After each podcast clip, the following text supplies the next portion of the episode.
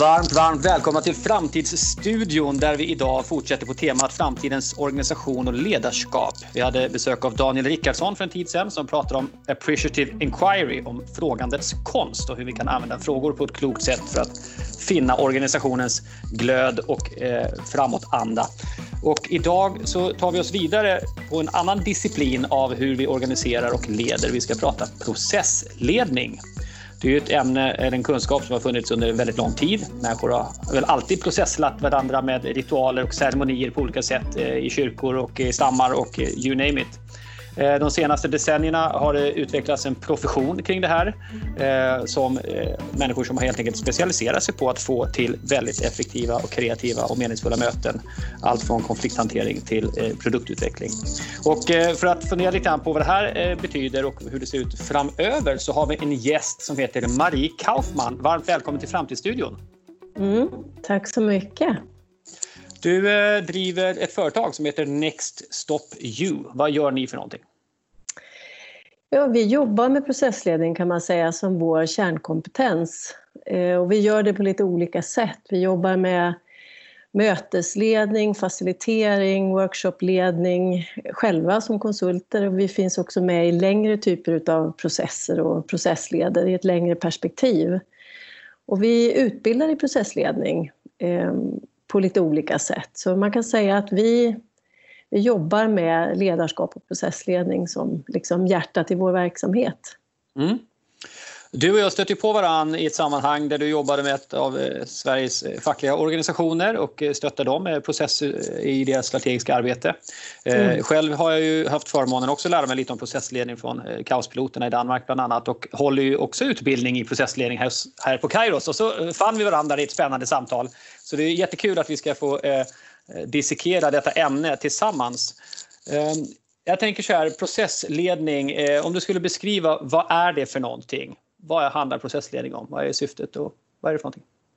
Ja, det är ju en eh, väldigt spännande fråga. Eh, vad är processer? För det första. Och mm. Det är naturligtvis så att man, kommer man in i olika typer av organisationer så kan ju process betyda olika saker. Process kan ju vara någonting som man, ett sätt att organisera sin verksamhet. Eh, flöden som man förfinar som man gör om och om igen och så sätter man någon som ansvarig för den processen. Just det. Eh, för att kanske stärka samverkan och samarbete och sätta kunden mer i fokus. Det är ju en typ av process och processledning. Mm. Det är kanske inte den som vi menar nu när vi sitter i det här samtalet utan det som vi jobbar mycket med det är ju processledning i termer av att jobba med utveck utveckling, utvecklingsinriktade processer. Eh, där man samlar människor som gemensamt ska på något sätt lösa ett problem eller ta sig an en utmaning eller eh, sikta mot en, en möjlighet och hitta, hitta kreativa liksom, lösningar i det. Och den som då leder den processen kallar vi ju då för en processledare. Just det. Jag får ju ofta frågan vad är, vad är det för skillnad mellan process och projekt? Jaha, och, ja. Ja, och jag tänker så här att processer för mig, så som vi ser, ser det, det är att eh, förstå och kunna leda samspelet som sker mellan människor som har det här gemensamma uppdraget.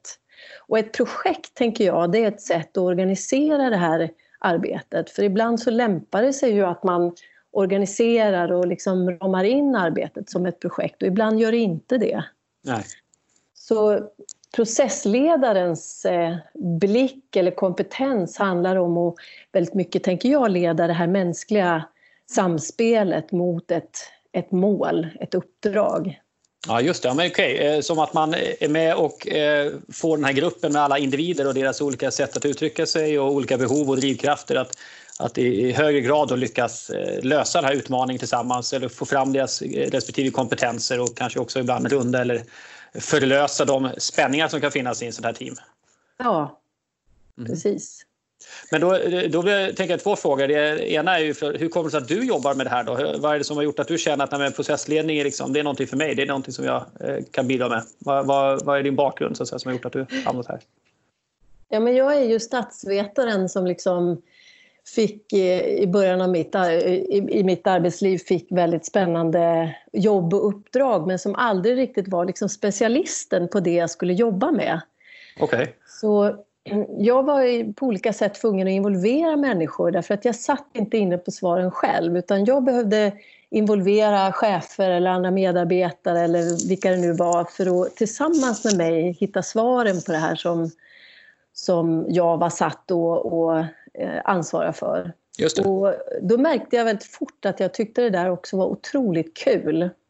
Hur fasen på, och genom min, mitt arbetsliv så har jag jobbat med eh, vad ska man säga, uppdrag som har varit utvecklingsinriktade. Och där har jag blivit väldigt intresserad av hur får man med sig folk?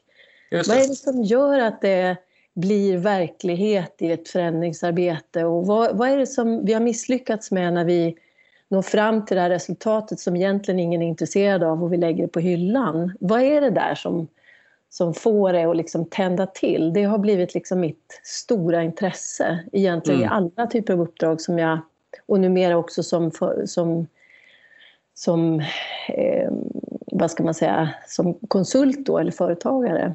Mm. Ja, vad är det då? Har du kommit till svar på frågan? Vad är det som får att vissa samarbeten liksom eh, levlar en nivå och blir någonting annat, blir någonting mer? Vad, vad är hemligheten? Ja, det är en bra fråga. Jag tänker att det handlar... Hade du ställt den här frågan till mig för 10 år sedan, 15 år sedan, 20 år sedan, 5 år sedan så hade svaret förmodligen blivit annorlunda därför att jag känner själv att jag erövrar nya, nya svar på den här frågan. Mm. Just, just idag eh, så tror jag, tänker att det handlar väldigt mycket om eh, vad som är verkligt. Du vet, jag tror människor jag tror människor har behov av att få känna när de går in i ett arbete att vi pratar om det som är på riktigt. Mm. Och det är så lätt när vi driver processer att vi, vi kanske hoppar in i arbetet, arbetet med att hitta lösningarna för fort innan vi egentligen har bottnat i vad som är det verkliga, den verkliga, verkliga utmaningen och ringat in det. Och så driver vi ett arbete där alla någonstans känner att men vi vet ju inte riktigt vad det är vi vi har inte bottnat i vad som är det gemensamma eller verkliga problemet. Vi Just går åt något håll eh, utan att vi egentligen är på klara med varför. Mm. Um, det där måste jag bara säga, det, det, där kan jag verkligen känna igen mig i som, som processledare själv också. Att hur otroligt viktigt det där är att veta vad som egentligen är i rummet. så att säga. Uh, för det finns något väldigt förlösande i när människor upplever att man ofta som processledare, i bästa fall även som chef och ledare naturligtvis om man har den positionen. Men, men att det processledare, en bra processledare gör, det möjliggör ju det trygga samtalet om det som ibland inte kommer upp. Och då menar jag inte, det behöver inte ha stora konflikter, det är inte det som är grejen. Men att prata om det som, säger, som är verkligt. Eh, mm. i betydelsen det som verkligen spelar roll så att säga, för de som är här och de olika drivkrafterna som är här och så vidare. Eh, och just för att projekt eller, eller uppgifter, dels är man ju så tvungen att göra dem för man är ju där för att jobba, man är betald för att lösa problem eller ta sig an de här uppgifterna. Men ibland så kan ju själva det officiella målet med ett projekt eller en ambition den kan vara svår att argumentera emot. Man kan få se en poäng med det, så men det finns underliggande saker som, som behöver få plats och, och behandlas i det arbetet för att det verkligen ska kännas som att alla parter känner att det här tillgodoser våra behov eller det här utgår från våra, vår verklighet på olika sätt. Då. Så det är mm. intressant att du lyfter det, för jag, jag håller verkligen med om det. Och, och om folk som lyssnar nu tänker så här, Ja, men processledning, varför ska man ha någon som hjälper till med sådana saker? Vad, vad är det för svårt med att leda ett möte och så vidare? Och där finns det en kvalitet alltså, som, som skickliga processledare verkligen kan tillföra om man inte kan det själv. Så att säga. Eh, för det, det som du säger, det har en väldigt stor betydelse för en grupps arbete att man liksom, eh, folk kan se på varandra och, och veta att vi jobbar med samma verklighet och jag förstår din verklighet och du förstår min. så att säga. Mm.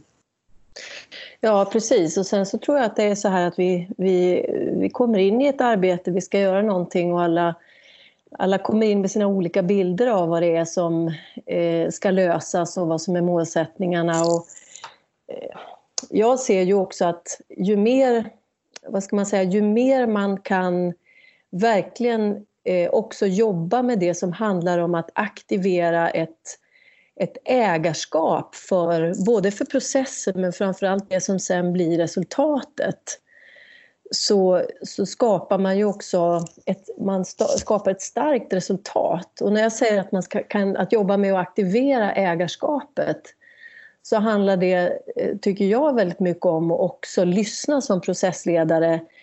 Eh, var, var finns målkonflikterna?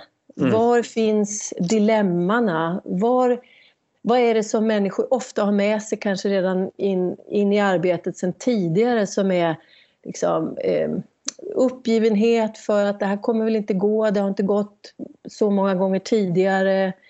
Det kan vara gamla konflikter som ligger kvar. Eh, och då menar jag inte att man ska lösa ut konflikter eh, för konflikternas skull. Nej. Men ibland kan det vara det man behöver göra för att man ska få kraft i det gemensamma arbetet. När man sen går in i en implementering, då blir ju arbetet än mer utmanande. Ja, än det visst. kanske är ett, i, ett, i ett arbete när man ska jobba fram någonting och bli överens om en, vad det nu är, en gemensam strategi eller vad arbetet handlar om. Så att, att lyssna efter det där och, och, och ha modet att leda eh, processen in i det som också är dilemmana. Ja, precis. Mm. Och jag, där kan jag se personligen att när jag började jobba som processledare då var jag mycket mer intresserad av att skapa harmoni i processerna och det tillfredsställde någon, någon sorts, tror jag, många människor tycker ju om när det är harmoniskt och det är bra när det är det. Men processer har vi ju oftast för att vi ska ta oss an kniviga komplexa, eh, svåra problem. Och då mm. måste vi in i målkonflikterna och det som är eh, det svåra. Och, ja, man och måste, måste väl... vi... Mm, förlåt. Det kräver mod av processledaren. Exakt, ja precis. Det är ju en av frågorna som hänger här i mitt bakhuvud nu. Så att du ska få beskriva vilka egenskaper du tycker behövs för att vara en bra processledare. Och nu pratar vi om processledare som att det alltid är någon konsult som man hyr in och det är klart vi gör det för vi är konsulter som man hyr in.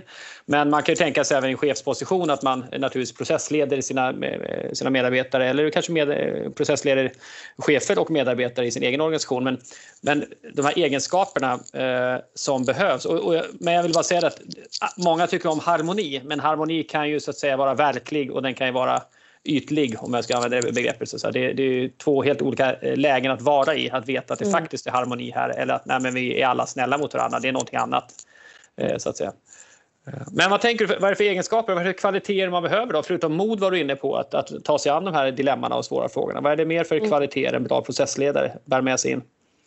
Ja, men en bra processledare tänker jag har ju för det första naturligtvis en, en god verktygslåda. Det är bra att ha många verktyg och ha en förmåga att välja och välja bort vilka verktyg man, man använder när man lägger upp sin process oavsett nu om vi pratar om en, ett möte, en workshop eller en längre process. Men det som ju liksom är spännande med processledarrollen och vad som är viktigt tror jag, det är ju att man behöver ju vinna i arbetet människors förtroende. Just det. Och där tycker jag att en av nycklarna är ju eh, att kunna vara, liksom, vara villig att vara sig själv.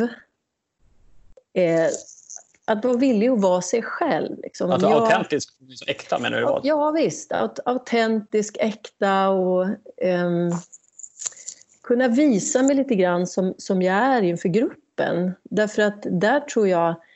Det är klart att vi ska vara djupt kompetenta som processledare. Eh, men om jag också kan visa mig lite grann som, som jag är mm. som person.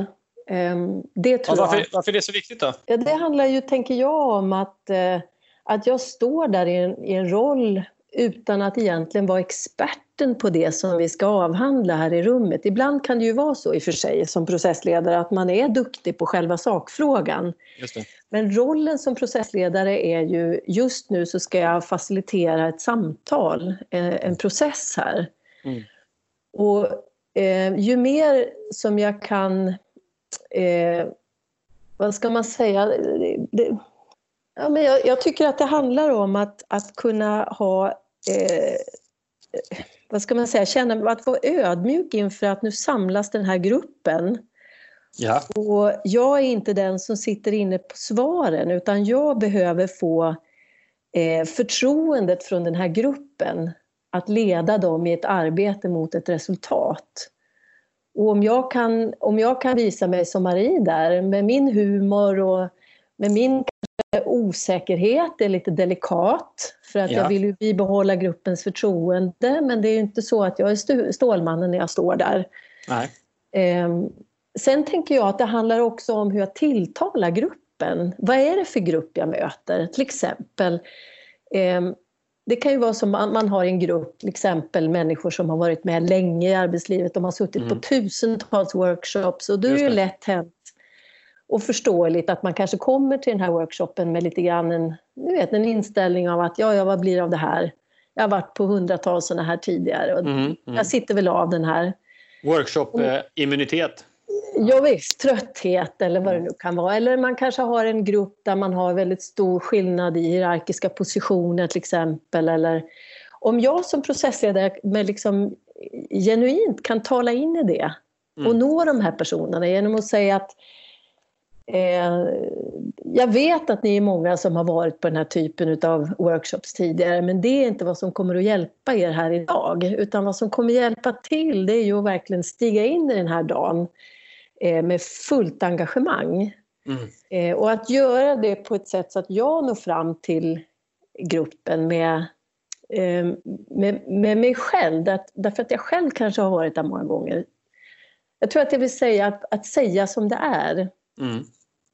Ja, det skapar ett förtroende, tänker jag, som du är inne på. Att, att, eh, jag, jag tänker de banor att eh, när jag gör det som processledare så visar jag eh, också vägen att vara autentisk i rummet och jag visar att om jag, om jag så säga, som du är inne på, i, i någon mening blottar man ju sig kan man säga. Mm. Man visar i alla fall möjligheten att någon skulle kunna kritisera eller ifrågasätta. sig. Och genom att visa att man själv klarar det så tycker tror jag att man skickar en signal också om att eh, jag kan hantera svåra samtal i det här rummet. Jag kan hantera det sociala skeendet här så att säga, vilket gör det möjligt för dig att säga det du vill göra, behöver göra, för då kan jag kommer, eh, ja, trygga det här området för det så att säga. För jag är inte själv mm. rädd uppenbarligen. Jag är här och närvarande. Eh, det är i alla fall jag tänkt som, jag håller med om det, att det, att det är en, en sån värde man kan få ut av den här eh, äktheten så att säga. Mm. Sen en annan kvalitet tycker jag, eller en, eh, en förberedelse eller en kompetens som jag tycker är oerhört avgörande, det är att liksom förstå vad är det som är avsikten med det här uppdraget eller det här mötet som jag nu är, kommer att leda. Vad är, vad är syftet? Vad är avsikten? Mm. Och det har jag över, över åren eh, insett att om jag nu då, oftast går jag ju in i rollen där jag har en uppdragsgivare. Ja. Eh, och många gånger är det så att den här uppdragsgivaren som jag eh, träffar då inte kanske själv riktigt har bottnat i vad som är syftet och avsikten egentligen. Så det blir en stor del utav förberedelsen att, att tillsammans utkristallisera vad är det som är intentionen här. Ja. Och det, då har man ju oftast en intention som handlar om ett resultat man ska jobba fram. Men det är ju oftast också så att man vill åstadkomma någonting på ett mer mänskligt plan.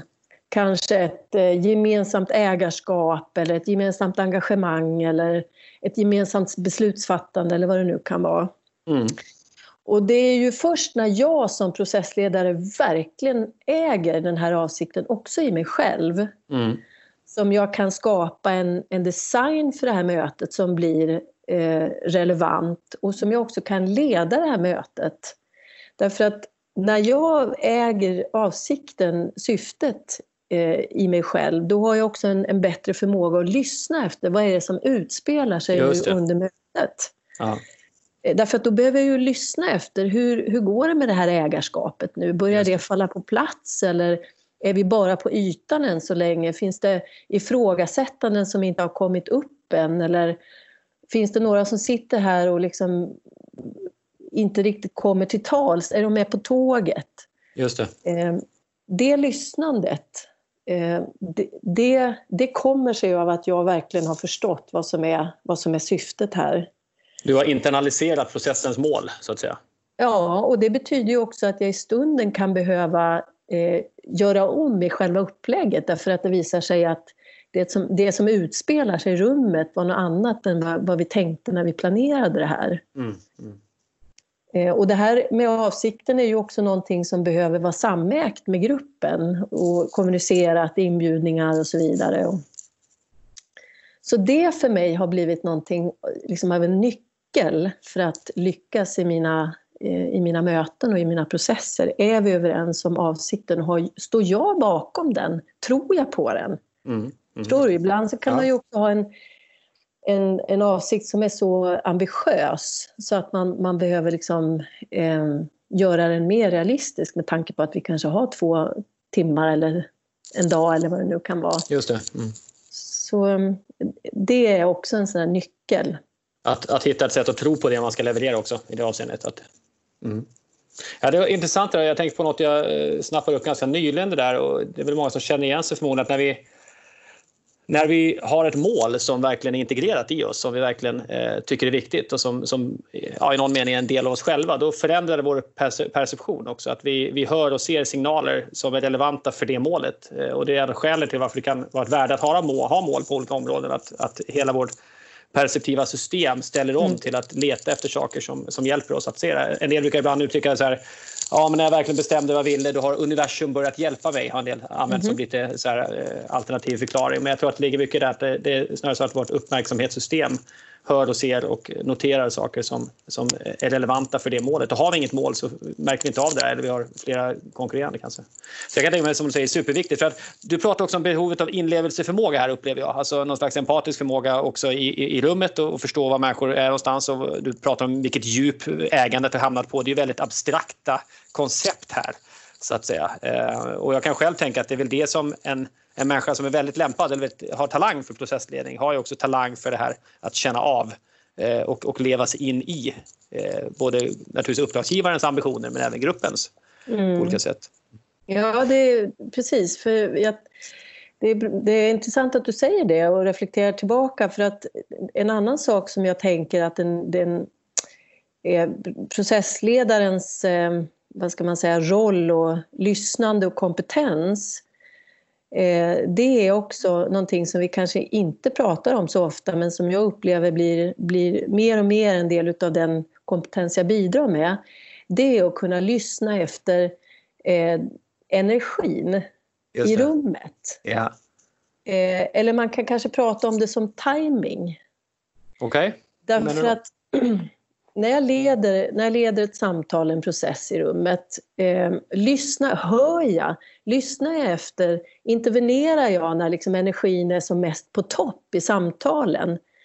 Eh, eller har jag en förmåga att lyssna efter när öppningarna står för nästa, nästa steg? Mm. Eh, eller håller jag, håller jag fast vid, min egen, vid mitt eget upplägg och min egen tidsplan? Just det börja, börja kunna liksom höra när, när det är dags för nästa steg. Det är för mig att kunna lyssna på en energi som går ju hela tiden i vågor under en sån här dag. Mm, mm. Och om jag, börjar, om jag bryter in när energin liksom har, står i en topp, då blir det som att jag intervenerar när jag har svårt att bli hörd eller komma igenom mm. och kanske avbryter eh, har jag en förmåga att liksom lyssna efter och kunna se att nu, nu behöver vi ta nästa steg och den som behöver ta, ta det steget det är jag. Och det stämmer inte överens med min tidsplan men jag känner att det är dags nu. Aha. Det där låter ju jätteflummigt Marie. Vadå ja, jag det... känner att det är dags nu? Alltså vad är det här för någonting? Ska man pröjsa för sådana flumskallar som dyker upp och trollar med knäna och vet vad, har du med en liten spåkula höll jag på att säga. Nej, men alltså, eh, jag förstår vad du menar, jag raljerar naturligtvis. Men, men det är någonting väldigt, alltså det finns ju väldigt mycket intuition i det här som man också tränar upp över tid, tänker jag. Eh, att, att, ja, för det du pratar om är nyanser i sociala samspel. Det handlar om tonfall, det handlar om kroppsspråk och ja, allt möjligt. Blickar eh, och det vi kallar för energi här till exempel. Då. Så det, det är verkligen subtila saker, tänker jag. Mm. Ja, och det jag tror jag är ute efter det är ju att att, ta, att ha modet eh, och använda det också som en del av mitt verktyg som processledare. Klart att jag har massor av eh, konkreta kunskaper och det behöver man ju ha som processledare kring eh, ska vi göra ett open space eller en framtidsverkstad eller någonting annat som, som kan hjälpa mig och vägleda mig. Men det som fascinerar tycker jag i processledarskapet och i ledarskapet naturligtvis i stort, det är inte bara för en processledare, det är ju att kunna se de här eh, de här tillfällena i arbetet eller i processen när, eh, när det inte går som jag hade tänkt. Just det, när det är dags för improvisation. När det är dags för improvisationen, ja. Mm. Och där har jag ju tillgång till min egen intuition om jag har övat upp det. Och det är ju mm. det som gör ledarskapet väldigt spännande. Mm. Men ett sidospår här då, för jag menar, som, som eh, processledare möter du väldigt många människor och du möter dem i situationer där de på olika sätt bidrar och, och reflekterar eller eh, argumenterar. Och så, så eh, hur, hur, ser du på idén om att vi är relativt stabila personligheter? Kan du snabbt koda av folk? Ja, det här är väl lite den typen, det här är lite den typen. Är, är det så? Eller skulle du säga, vad, vad, ser du på hela den idén om att folk är ja, kanske inte just nu blå, gul, gröna, röd, för den kan man diskutera vad jag förstår. Men, men idén om att kan du känna igen så arketyper bland processdeltagare som du har nytta av? Eller är du, känner du att alla individer är verkligen helt unika? Ja, eh, jag tror att, eh, jag tycker nog att jag, jag kan kanske se vissa arketyper, om vi kallar det så. Eh, vad jag kanske mer lyssnar efter i just mitt uppdrag som processledare, det är ju det är kanske vilka är det som är, vilka är, det som är med i processen? Ja. Vilka är verkligen liksom med på spåret? Eh, och framförallt vilka är det som möjligen inte riktigt är...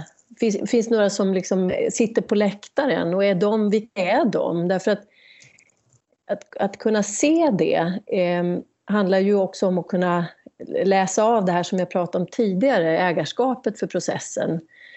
Eh, och är det till, eller är det, hur ska jag säga, är det att kunna lyssna efter engagemanget och se vilka är med och vilka är möjligen inte med än. Just det. det är nog mer det jag lyssnar efter än, än kanske vilka personligheter har vi här. Mm. Eh, sen är det klart att ha den kompetensen är ju bra därför att olika personer tilltalas ju av olika anslag i ett arbete och behöver olika saker kanske från mig som ledare för att stimuleras. Du pratar om att ha en bred eh, verktygslåda med mm. övningar.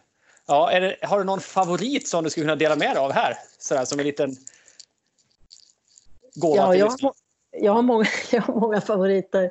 Jag tycker ja. att det är väldigt roligt att jobba i open space. Open ja. space-metoden är ju fantastisk därför att den bygger så mycket på själva, eh, självorganisering och att de som blir inbjudna till det här mötet själva sätter upp sina, eh, sina frågor på agendan och man utgår ifrån deltagarnas eh, önskemål om vad de vill diskutera. Eh, och det skapar ju ett enormt engagemang och också ett eh, vad ska man säga, ett ansvarstagande för resultatet många gånger. Så jag gillar det. Mm. Det är väldigt kul att jobba i ett open space. Och det passar sig ju också när man är, när man är ofta i början av ett arbete. När man behöver få in många, många idéer och hög kreativitet och aktivera mångas delaktighet. Mm. För er som inte känner till Open Space så kan ni gärna googla det för det finns hur mycket material som helst på nätet om denna mötesform. Jag brukar också använda den speciellt på eftermiddagarna tycker jag är bra för då börjar folk bli sömniga och trötta och då är det bra att släppa lös och så kombinerar man det med en fika så brukar saker och ting ordna sig och folk orkar vara med hela dagen ut. Så att säga. Så mm. Men någon, annan, någon mindre då, någon favorit som man kan använda för att eh, starta ett möte på ett bra sätt? Ska vi säga någon där då? Eh, ja, alltså där, jag är rätt så eh, basic där faktiskt. Någonting som jag tycker är väldigt viktigt för mötet och för mig som processledare, det är att lyssna på allas eh, förväntningar. Eller vad ja. det är som har gjort att de har kommit dit. Hur man ställer frågan beror naturligtvis lite grann på vad det är för typ av möte men eh, den frågan är så, den är så bra i sig. Därför dels ger det ju en information till alla, att alla sitter där av en anledning. Och är det så att man kommer dit och man faktiskt inte riktigt själv har hunnit landa, landa i den frågan så får man ju en, en chans att tänka efter. Ja, just det, varför, varför, varför är jag på det här mötet? Vad vill jag få ut av det?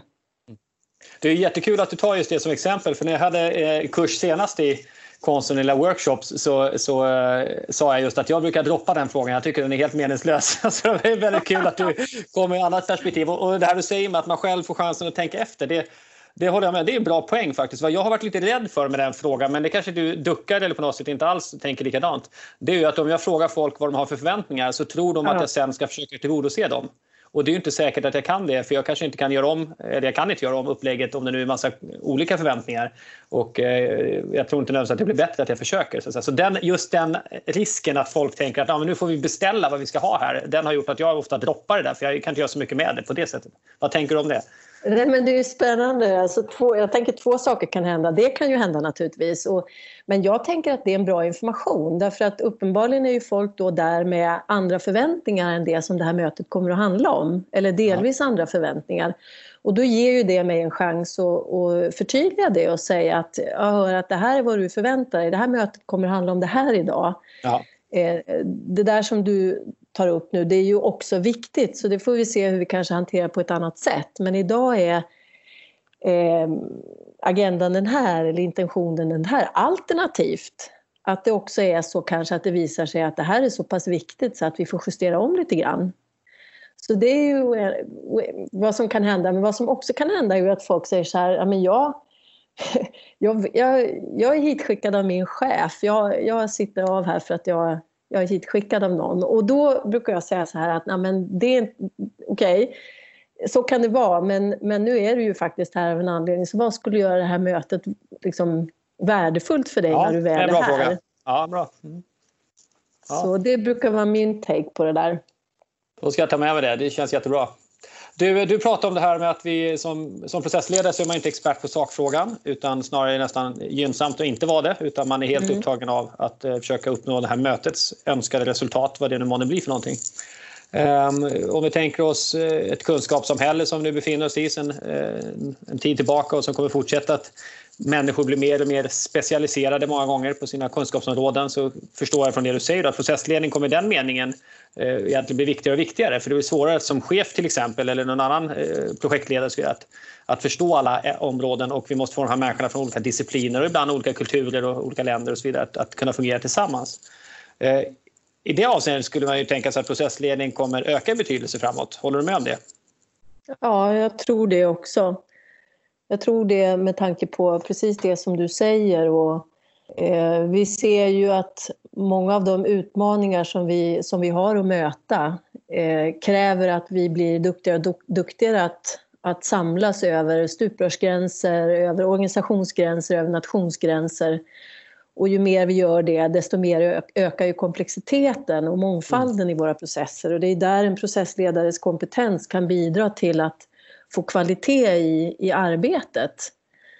Eh, men jag tänker också att en processledare är ju inte bara eh, en sån som du och jag utan processledarkompetensen är ju också väldigt värdefull för, för en chef att ha eller för någon annan som har en annan titel att ha. Eh, som, vad ska man säga, som en sträng på sin lyra. Mm. som jag kan välja att använda när, jag, när det behövs, när jag är den som ska leda ett möte och jag kanske är chefen eller jag är den som är experten på den här sakfrågan men just nu behöver vi samla många aktörer här mm. för att ta tillvara mångas input här, även om jag är den som är experten. Och då gäller det att liksom kunna växla eh, ledarskap Mm. Från experten eller från chefens ledarskap till processledarens. Så den kompetensen är ju väldigt värdefull att ha oavsett egentligen vilken eh, vilken roll jag har. Mm. Jag tänker också att eh, inbillar mig att många, allt fler chefer är ju inte experter på samma sak som sina medarbetare dessutom så att de är redan i, i den situationen från början. Och så att folk som lyssnar nu förstår att vi tycker processledning är superviktigt. Det här borde ju alla lära sig och gå kurser i och köpa konsulttjänster etc. Men ser du någon situation där man som chef faktiskt inte bör ta in en extern person så att säga för att, ja, i, i rollen som chef? Finns det sammanhang där det är klokt att klara det själv. Man bör inte faktiskt anlita någon. Ja, men jag tror att det, det finns ju många anledningar till att, att använda sin egen interna kompetens. Eh, och, och, kanske, kanske nu ställer du frågan rätt tillspetsat. Finns det någon anledning när man verkligen inte bör ta in någon, någon, någon person utifrån? Jag tror snarare det handlar om att äger man den kompetensen själv internt så är det ju, eh, så är det ju många gånger så att man gärna kan använda sig av den kompetensen. Man kan ju också hjälpa varandra över enhetsgränser om man, nu inte, man tycker det är utmanande att leda i sin egen, i sin egen hemorganisation. Ehm, och som chef kan det ju ibland vara alldeles utmärkt att jag är den som leder det här arbetet nu därför att av olika anledningar så är det verkligen min fråga. Ja. Så jag kan inte vara mer specifik än så men nej, jag tycker nej. det finns och det är därför också, jag ser ju ett ökande intresse av många att göra interna processledarutbildningar därför att man vill liksom tillägna sig den vid sidan av att man är duktig på, sitt, på sin kärnkompetens så vill man tillägna sig förmågan att leda processer. För att veta hur ska vi göra för att nu involvera våra kunder eller våra brukare eller våra aktörer på bästa sätt i ofta mm. komplexa frågeställningar. Mm. Ja, vi har ju, en, eh, har ju haft under flera decennier här och det kommer vi fortsätta en global utjämning när det gäller kunskap till exempel. Det är färre och färre som, eller fler och fler som kan mycket så att säga. Mm. Mm. Och då blir ju vården och uh, utvecklingen av humankapitalet allt viktigare och förmågan att få det här människorna att samarbeta bra tillsammans. Så det är ju rimligt att tänka sig att det, det behovet kommer bara öka framåt. Jag ställde frågan lite grann också för att jag tänker att det finns situationer det finns en, vad ska jag säga, eh, kan finnas en motsättning. Det kan finnas situationer som är så spända eller så problematiska på en arbetsplats att man behöver någon utifrån för att reda ut dem så att säga. Men som jag tänker mig finns det en, en gräns och har man inte nått riktigt fram dit så bör man som chef och ledare vara den som tar de delikata frågorna som har med kultur att göra, relationer att göra, för att det är den personen som ska ändå manifestera den kulturen. Eh, att man inte så att säga, duckar och låter någon annan ta det, för det är just att ta de här svåra frågorna ibland som gör att man får det förtroende som man vill ha som, som ledare eller chef. Då, så att säga. Om vi pratar om ledare mer som en relation. Då. Eh, och det är lite det jag funderar på där ibland, att det, eh, kan man inte ta det som är delikat och svårt eh, naturligtvis till en viss gräns. Om man själv är den ena parten i en riktigt het konflikt, ja då är det läge att ta hjälp naturligtvis. Men, men till en viss gräns så behöver man vara den som faktiskt kan hantera de här knivigheterna. För det är där man får sin, sitt personliga ledarskap i organisationen. Tror jag. Håller du med om det? Eller vad, vad tänker du? Ja, det, jag tycker det låter väldigt eh, klokt eh, faktiskt. Och det är kanske inte alltid så lätt att se var den gränsen går Nej. när jag behöver ta in en annan därför att eh, det handlar om att skapa liksom förtroendet och utrymmet för mina medarbetare och verkligen kommer till, kommer till tals. Om jag är en del av det som kanske hämmar den öppenheten så kan det vara lämpligt att ta in någon. Men mm. jag håller helt med om det som du säger. Apropå hemmaöppenheten, det är jätteintressant på möten med, du pratar om olika hierarkiska nivåer som möts i ett rum till exempel. Eh, Vad tänker du, vad, ska, vad, vad, kan man ställa för krav på människor som är med i en workshop, som är med i en organisation med en hierarki? Alltså, kan vi ställa några krav alls på att stå för sin åsikt och så vidare? Eller är det alltid ena sidan som ska släppa fram och släppa in eller kanske till och med vara borta? Eller vad, vad, vad bör man, hur kan man tänka kring sånt? För ibland är det tendens att man tycker att ja, folk blir hämmade av någon överordnad i närheten. Samtidigt är vi vuxna människor i ett land med åsiktsfrihet och, och så vidare. Så, alltså, va, hur kan man tänka? Eh, jag tror att man behöver gilla läget. Eh, man behöver se verkligheten som den är. Och jag tror att det alltid kommer att vara så att å ena sidan så finns det ett värde att eh, ha hela systemet eller stora delar av systemet i rummet många gånger därför att man blir varse varandras perspektiv på en, på en fråga som man delar. Ja. Eh, så det är tveklöst så att det många gånger finns en anledning till att blanda och mixa eh, mm. som är väldigt viktig. Men mm så när jag säger att man måste gilla läget så tror jag att det alltid kommer att vara så att auktoriteter är svårt för de flesta av oss att förhålla oss till. Mm. Det är inte så enkelt att, att slappna av och känna att vi kan vara oss själva och komma till vår rätt. Det, det, är ett komplicerat förhållande. Eh, dessutom är det så att det, det är bra, tänker jag. Det är bra att vi har personer i beslutsfattande ställning och jag tänker många gånger också i mitt processledarskap, hur kan jag stötta och hur kan jag, vara ett, hur kan jag stötta det här beslutsfattandet också kunna känna sig kraftsatta av en process? Mm. Hur kan processen i sig eh, stötta de ledarna som, som finns med i, i processen? Vi ska ju inte gå emot det.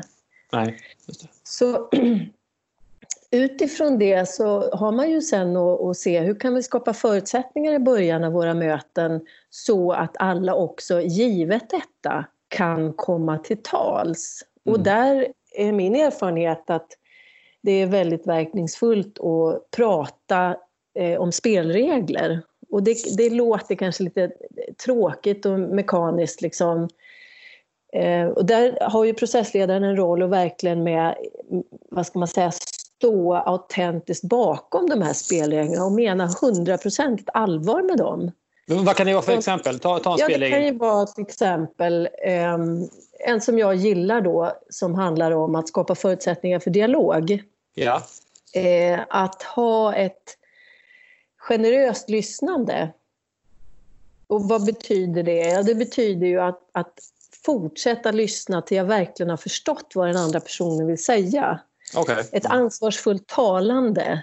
Om du är den som kanske är van att tala mycket, se om du kan avstå ifrån talandet eller behöver du säga det här? Har det kanske redan sagts? Ja.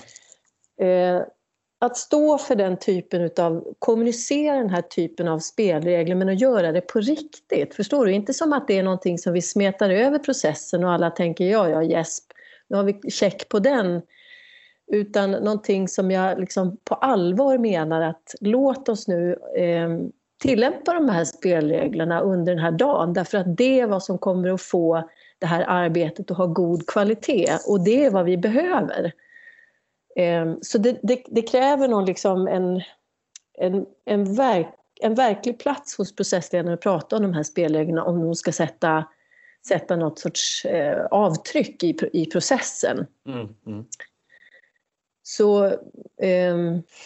Jag tycker det är superintressant för jag upplever ju att när vi pratar om, eh, alltså när vi har metasamtal, hur mm. samtalar vi här och så vidare. Eh, precis som jag upplever in, som enskild individ, när jag tänker om mitt eget tänkande eller iakttar mina egna känslor så uppstår den här distansen som gör att jag identifierar mig inte med någon tillfällig känsla eller jag identifierar mig inte med någon kanske omedveten övertygelse utan jag kan se den här övertygelsen eller se den här drivkraften eller vad det är för något mönstret. Och där uppstår ju friheten så att säga i att välja ett annat beteende. Och det där tycker jag, det du säger är superviktigt just det här att eh, jag tror ju att man som processledare vinner oerhört mycket på att visa eh, gruppen man jobbar med att jag ser de här sakerna och jag sätter ord på saker från ett metaperspektiv så att säga ibland. Vad var det som hände nu i rummet kan man plötsligt säga ibland och, och fråga och öppna upp då för att nu kommer, nu kommer folk reflektera och backa bak från uppgiften de höll på med och istället se hur gjorde vi med den här uppgiften vi höll på med? Hur betedde vi oss när det här hände så att säga? Mm. Och jag har min erfarenhet att det där är väldigt, väldigt kraftfullt eh, och jag tror att det ger också ett eh, väldigt förtroende för en processledare som kan göra det. För då är vi tillbaka i det här med att eh, man har en förmåga och, en, och är beredd att kliva in så att säga i samspelet och visa att jag kommer inte låta sak, vad som helst hända här. Så att säga, utan jag kommer synliggöra det. Ja, eh, precis. Att, mm. Nej, jag tänker också att frågan vi pratar om här det är hur skapar jag det här förtroendefulla samtalet och klimatet i gruppen. Och jag håller med dig där att det är väldigt verkningsfullt många gånger att, att lyfta fram det som sker i, i rummet. Och, eh, ett, ett annat sätt är ju också att om jag, om jag verkligen vet vad det är för grupp som jag har att göra med så kan jag ju också redan på förhand ha, ha lagt upp en, gjort en design för, för dagen där jag mm. också tar tillvara det här faktumet att vi har nu personer som till exempel befinner sig på väldigt olika hierarkiska nivåer och det är inte säkert att det är lätt för alla att komma till tals. Så hur kan jag då ska, liksom använda det så att, så att jag skapar ett, ett upplägg som gör det enklare? Och där är det ju ofta kanske att tänka på att ha mindre grupper, att begränsa talutrymmet, fördela ordet. Det är såna enkla saker men som verkligen gör en skillnad om man använder det eh, medvetet på det sättet. Och sen tänker jag också att det har att göra med mitt eget anslag igen som processledare i mitt, i mitt sätt att vara. Mm. Visar jag i mitt ledarskap att jag är intresserad av att lyssna på alla? Eh, ska, ger jag utrymme för det och ställer jag följdfrågor och så vidare. Jag sätter ju också tonen väldigt mycket så där mm. är det ju bra att stämma av sig själv och se eh, står jag själv för här, den här spelregeln? Just det. Just det. Du, har du lust att dela något riktigt, riktigt eh, misslyckande som du har gjort som processledare? Någon riktigt tabbe där du har trampat i klaveret och, och bara känt hur nu händer något i rummet här eller nu blir det någon helt oönskad effekt. Har du någon skräckexempel? Ja, jag har såklart ett antal här genom åren men det som omedelbart kommer upp det var en av mina största utmaningar någonsin. Vi jag ledde ett stort framtidsprojekt eh, för många år sedan nu. Och eh, i det här projektet så vi hade hundra deltagare och vi träffades sex tillfällen, två dagar eh, varje, varje gång. Mm. Det var ett scenarioarbete som handlade om eh, framtiden kan man säga. Och någonstans mitt i det här arbetet så hade vi skapat ett samarrangemang med ett annat evenemang. Så första dagen skulle vi ha ihop med ett annat evenemang och andra dagen skulle vi ha för oss själva. Okay. Och eh, Ja, jag märkte där första dagen eh, att det blev inte så otroligt lyckat som vi hade tänkt. Så eh, andra dagens början, då hade jag min, min chef var på plats för att han skulle Eh, han skulle starta igång den här dagen och någon annan föreläsare som skulle bidra. Men jag märkte i rummet att missnöjet var monumentalt. Oj. Jag hörde hur det pratades om den här första dagen och hur det kunde, hur det kunde ha blivit så här och hur dåligt det var. Och, och jag kände temat för den här andra dagen var framtiden och jag tänkte vi kan omöjligt gå in i ett framtidssamtal med det här klimatet. Nej, det verkar dumt. Så jag kommer ihåg, jag tänkte vad ska jag göra? Och jag ställde mig upp där inför den här gruppen med, ganska nervös. Och någonstans så tänkte jag så här, det enda som gäller nu det är att lyssna på vad det är som har hänt. Det var mm. liksom min, egen, min, min enda ledtråd i det här. Så jag ställde frågan och, och bad gruppen att de skulle prata lite två och två först och hörde hur liksom energin i rummet blev maximalt och och sen började jag lyssna då, fick de dela med sig. Och, ja, det hade varit så värdelöst och hur kunde det...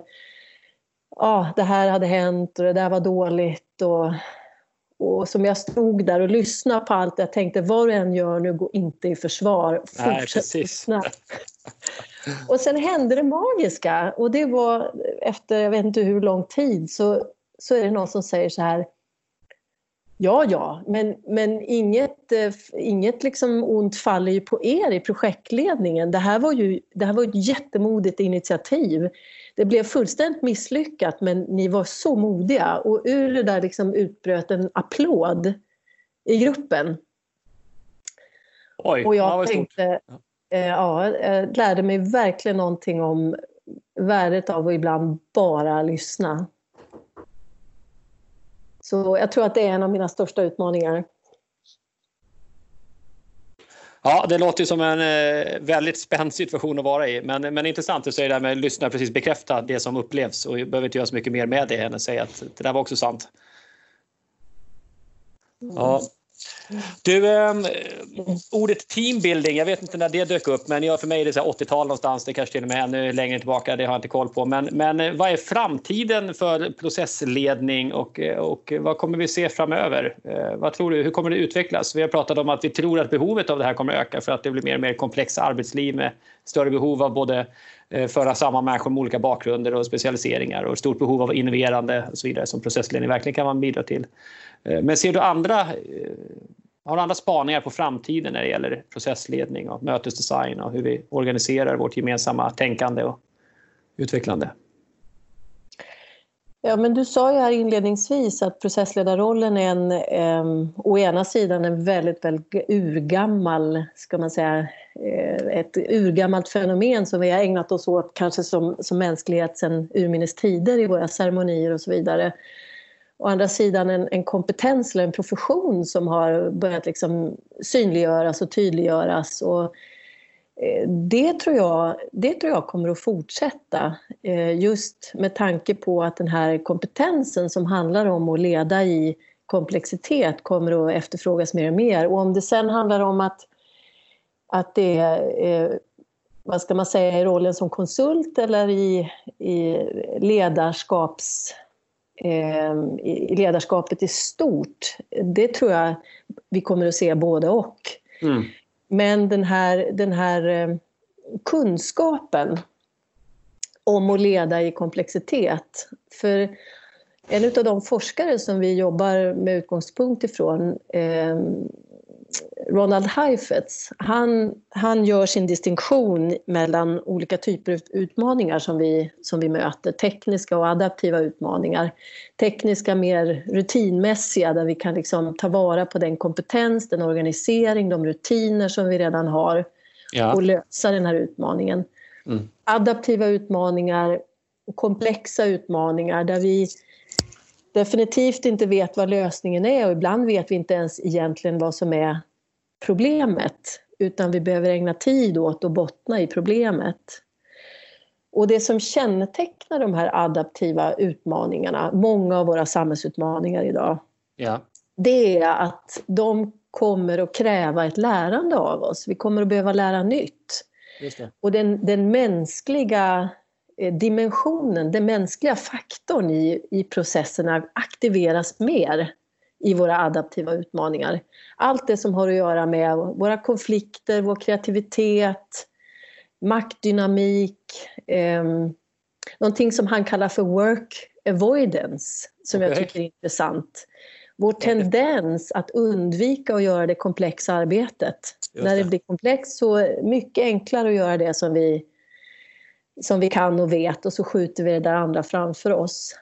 Allt det här är liksom en, eh, kräver ett, en ny form, och kanske idag inte så ny, men ändå någonting vi fortsatt behöver lära oss. Mm. En, en form av ledarskap där vi behöver lära oss att inte vara experten eller den som kommer med svaren. Utan vi behöver kunna ha eh, förtrogsamhet med att vara den ledaren som också kan ställa, ställa frågorna. Mm. Och det är ju många gånger en processledares roll att veta vad är de riktigt kniviga frågorna? Vad är det gruppen kommer att undvika prata om utan ja. min hjälp? Vart är det vi behöver rikta fokus nu för att komma vidare i den här frågan? Eh, den typen av ledarskap eh, där processledaren har en roll, den tror jag kommer att eh, krävas mer och mer av oss i framtiden. Mm. Det låter som att det behövs ett beginners mind, det här öppna sinnet som inte är fullt med svar redan utan som förmår att ställa frågorna och både lära sig det man behöver för att lösa de komplexa utmaningarna och ställa de frågorna som människor behöver svara på för att kunna fungera tillsammans. Precis. Mm. Ja, spännande. Jag tänker vi spelar in det här nu under eh, pandemin här våren 2020. Och många av oss har börjat använda digitala verktyg i mycket högre utsträckning. Vad, vad är din erfarenhet av processledning på distans versus i det fysiska rummet? Vad, vad, är, vad kan man tänka på? Ja. Konkreta tips.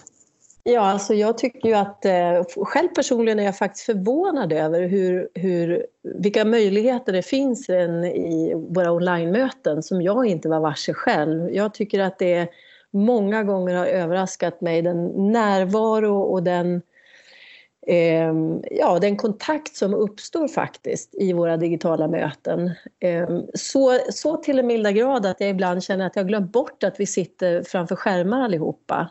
Just det. Eh, och det som jag tänker är väldigt mycket nyckeln i det där, det är ju eh, vad, hur startar vi upp våra möten? Eh, har vi en, eh, en gör, går vi till exempel en runda där alla får möjlighet att eh, checka in och säga någonting eh, för att göra sig själv närvarande? Skapar vi spelregler? Det är så lätt att växla från, från bild till mejlen och kolla det andra som man vet, allt det där blir ju mycket enklare när man inte ser varandra i rummet. Så också kanske värdet av att skapa spelregler för att komma överens om hur gör vi för att få bästa kvalitet i våra möten. Har du någonsin gjort någonting annat när videokameran varit avstängd? Jag? Ja. när videokameran har varit avstängd? Ja, det har ju hänt faktiskt. Det har det. Du menar kolla mejlen och... Ja, det dummaste jag har gjort var att jag satte upp en hatthylla en gång när jag hade telefonmöte. Men det straffade sig för det ramlade ner sen efteråt också. Så det var ingen bra idé. Men det är ju det här med stimulans. Man tycker det går till långsamt ibland och så vill man hitta på någonting. Ja. ja nej, men tydlighet som du säger och, och, och eh, närvaro. Jag har ju själv märkt också nu sista tiden att eh, processledningen tenderar, åtminstone så här långt innan jag har blivit riktigt driven på det, men eh, den blir ju mer styrd alltså i den här typen av format. Man har många människor som inte kan samspela med med kroppsspråk eh, liksom och så vidare utan eh, man blir ännu mer styrande som processledare upplever jag. Det, en liten... Eh, ja, förlåt. Nej, jag bara kom att tänka på den att eh, människan har väldigt mycket ögonvita jämfört med andra djur och det sägs ju var för att vi är duktiga på att kolla på vart andra kollar. För då vet vi var fokus ligger i samtal och i processer och vad som är viktigt i gruppen. Liksom. Och det där försvinner den här typen av subtila samspel. Så, så det, det blir mer toppstyrt tycker jag. Förlåt, vad tänkte du säga? Intressant. Ja. Nej, men en liten teknik som jag faktiskt fick lära mig här, häromdagen av en kollega det är ju att man också kan eh, man kan be alla att rita upp en cirkel. Och i den här cirkeln så man tänker sig att det är som en, en, eh, en klocka. Klockan 12, klockan 10, eh, klockan 6, klockan 3 klockan 9 så kan man placera in folk i den här cirkeln om man nu har några stycken i det här mötet.